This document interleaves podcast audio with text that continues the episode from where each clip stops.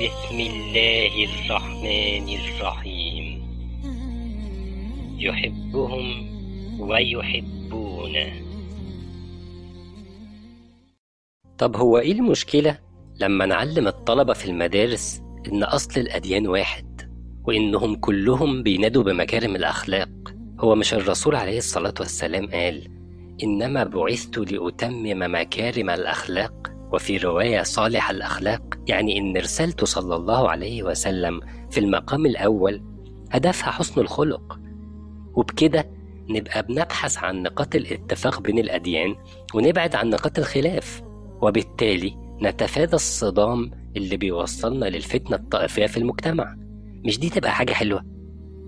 دي عينة من الأفكار اللي المتفلسفين العرب بيضغطوا بيها على حكوماتهم ومجتمعاتهم لتمرير مثل هذه الأفكار الهدامة.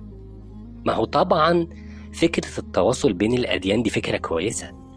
بس هو أنت كمسلم إيه هدفك وإيه نيتك وإنت داخل في حوار أديان زي ده؟ هل هدفك زي هدف الرسول عليه الصلاة والسلام لما عمه أبو طالب كان بيموت فراح له وقال له قل لا إله إلا الله أشهد لك بها يوم القيامة. ولا هدفك حاجة تانية؟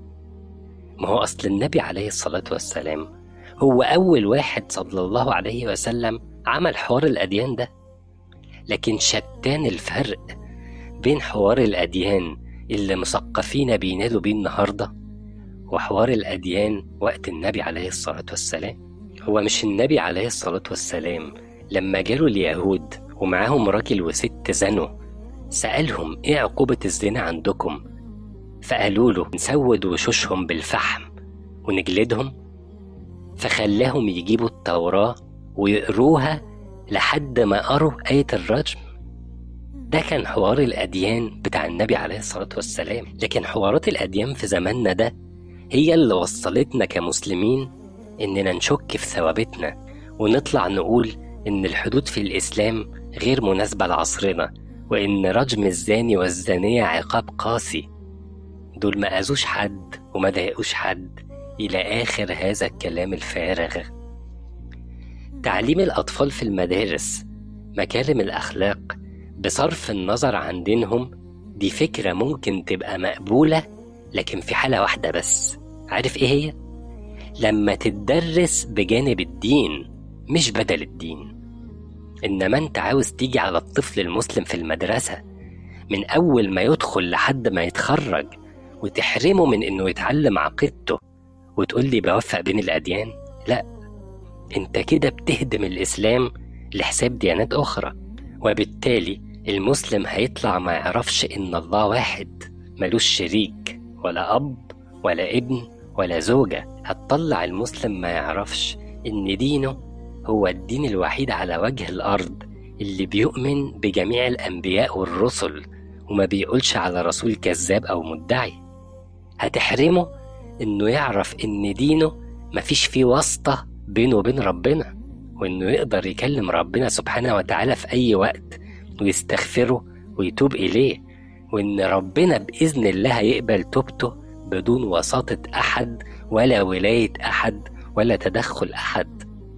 هتحرمه يفهم إن الإسلام جه بشرائع كاملة تصلح البيت والمجتمع والعالم كله. وإن مفيش حاجة اسمها الدين في البيت أو الدين لله والوطن للجميع لا. الدين لله والوطن لله وكل حاجة لله. الوطن ده مش بتاعك علشان تخليه للجميع. الكون ده ملك الخالق اللي خلقه واللي جعلك مستخلف فيه. هتحرمه يعرف إنه لا إكراه في الدين وإن كل واحد من حقه يؤمن بالدين اللي يعجبه. بشرط إنه ما يأذيش أصحاب الديانات الأخرى ولا يمشي يشتم في رسولهم وفي قرآنهم ويحاول هدم عقيدتهم. هتحرمه يعرف إنه ولا تزر وازرة وزر أخرى. ولا تزر وازرة وزر أخرى. يعني مفيش مخلوق بيتولد بخطيئة ومطلوب منه يكفر عنها. هتحرمه يعرف معلومة لو معرفهاش يبقى وجوده في الحياة دي بقى زي عدمه وتبقى دمرت حياته ومستقبله المعلومة دي هي إن في جنة ونار وحساب وجزاء.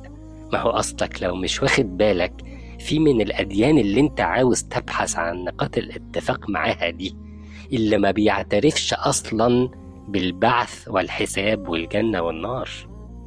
هتحرمه يعرف إن في المجتمع مفيش فرق بين إنسان أبيض وإنسان أسود وإن يوم القيامة الفرق الوحيد بينهم عند ربنا سبحانه وتعالى هيكون على أساس التقوى والعمل الصالح كلام بجد بقى مش شعارات وساعة الجد الأسود أو الآسيوي أو الأفريقي أو اللاتيني يتداس عليه بالجزم والعنصرين اللي عملوا فيه كده يطلعوا براءة بعد امتصاص الغضب الشعبي ولا إيه؟ هتحرمه يتعلم إن الغريزة دي حاجة طبيعية وإنها نعمة من ربنا سبحانه وتعالى مكانها الزواج. وإن توجيه الغريزة دي خارج النطاق الحلال مش بس بيدمر اللي عمل كده لأ ده بيدمر المجتمع بالكامل. هتحرمه يتعلم إنه لو سلف حد فلوس بشرط إنه يرجع له الفلوس دي أكتر ها أكتر من اللي استلفه ده يبقى اسمه ربا ويبقى حرام. هتحرمه يتعلم إن مفيش حاجة في الإسلام اسمها تتفرغ للعبادة بس وتنسى الدنيا. تطلع الدنيا من قلبك؟ آه. إنما عزلة وتعبد فقط لأ. إنما المسلم عليه مسؤولية الارتقاء بالمجتمع وتعمير الأرض. وبالتالي هتحرمه يعرف إن دينه بيقوله إن العلم فرض وإنه لازم يدرس ويتعلم علشان يقدر يعمر الأرض. هتحرمه يعرف إن دينه ما فيهوش أسرار يعرفها بس الشيوخ والعلماء في الجامع لكن تعليم الإسلام متاحة لجميع البشر مسلمين وغير مسلمين. هتحرمه يعرف إن المرأة مش سلعة نعريها ونفرج المجتمع عليها علشان نبيع سلعة أو علشان ندمر أخلاقيات جيل بحاله. باختصار شديد أنت مش بس هتحرم المسلم من دينه وتضيع حياته وآخرته ده أنت أصلا هتهدم المجتمع نفسه وتحرمه من الرسالة الوحيدة الباقية على وجه الأرض اللي ممكن تنقذ البشرية دي من الانحطاط الأخلاقي اللي وصلت له. فاللهم لك الحمد على نعمة الإسلام وكفى بها نعمة. رب اغفر وارحم وأنت خير الراحمين.